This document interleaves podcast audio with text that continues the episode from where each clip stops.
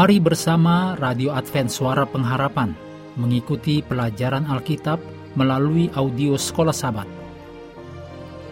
Selanjutnya kita masuk untuk pelajaran Kamis 4 Mei. Judulnya Tahun 1844. Mari kita mulai dengan doa singkat yang didasarkan dari Wahyu 16 ayat 7. Ya Tuhan Allah yang Maha Kuasa, benar dan adil segala penghakimanmu. Amin.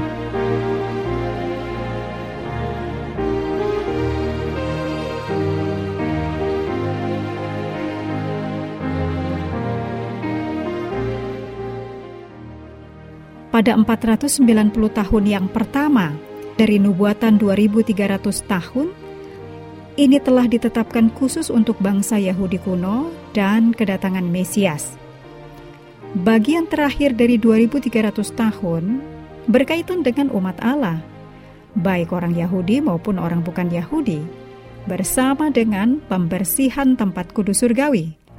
Dan pada akhirnya adalah kedatangan Kristus yang kedua kali. Bagian 490 tahun adalah bagian pertama. Ini diterapkan untuk kedatangan Mesias yang pertama, yang berakhir pada tahun 34 Masehi. Bila mengurangi 490 tahun dari 2300 tahun, sisanya adalah 1810 tahun. Bagian dari 1810 tahun ini adalah bagian kedua yang diterapkan bagi umat Tuhan. Jika kita mulai pada tahun 34 Masehi, lalu kita menambahkan 1810 tahun, maka kita akan sampai pada tahun 1844 Masehi. Dalam terang mengenai pembersihan atau pemulihan kebenaran tentang tempat kudus dan penghakiman akhir zaman surga, Allah membuat panggilan terakhirnya kepada seluruh umat manusia dalam Wahyu 14 ayat 6 dan 7, agar manusia merespon kasih Allah menerima kasih karunia-Nya, dan menjalani kehidupan yang saleh dan menurut. Imamat 16 ayat 16 mencatat mengapa bait suci atau tempat kudus harus dibersihkan.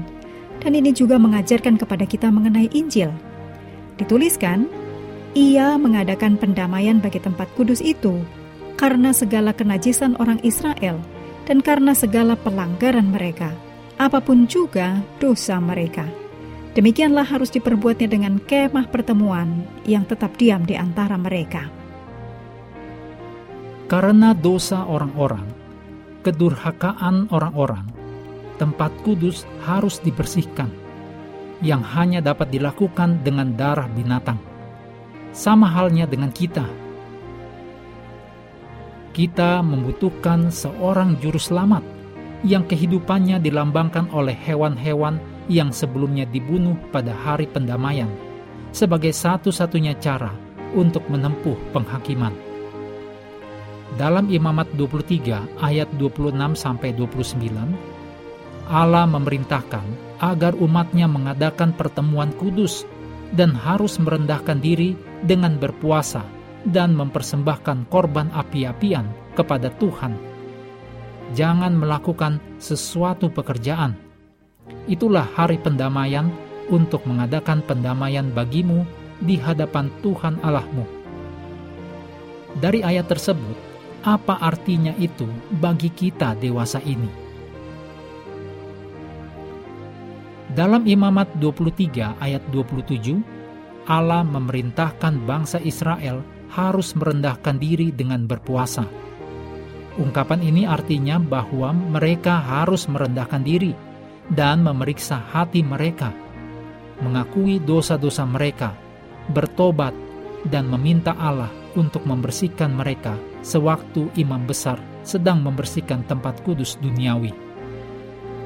Pasal-pasal nubuatan dari Daniel pasal 7 sampai 9 dan Wahyu pasal 14 fokus utamanya adalah pada panggilan mendesak pada waktu penghakiman agar kita bersiap Sejak tahun 1844, kita telah hidup di waktu penghakiman, dan pekabaran wahyu dari malaikat pertama memberitakan, telah tiba saat penghakimannya.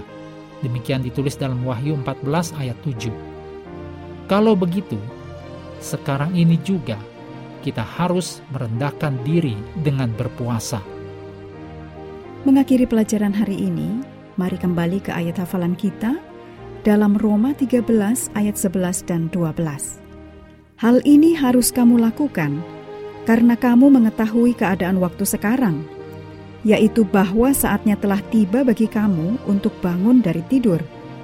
Sebab sekarang keselamatan sudah lebih dekat bagi kita daripada waktu kita menjadi percaya. Hari sudah jauh malam, telah hampir siang.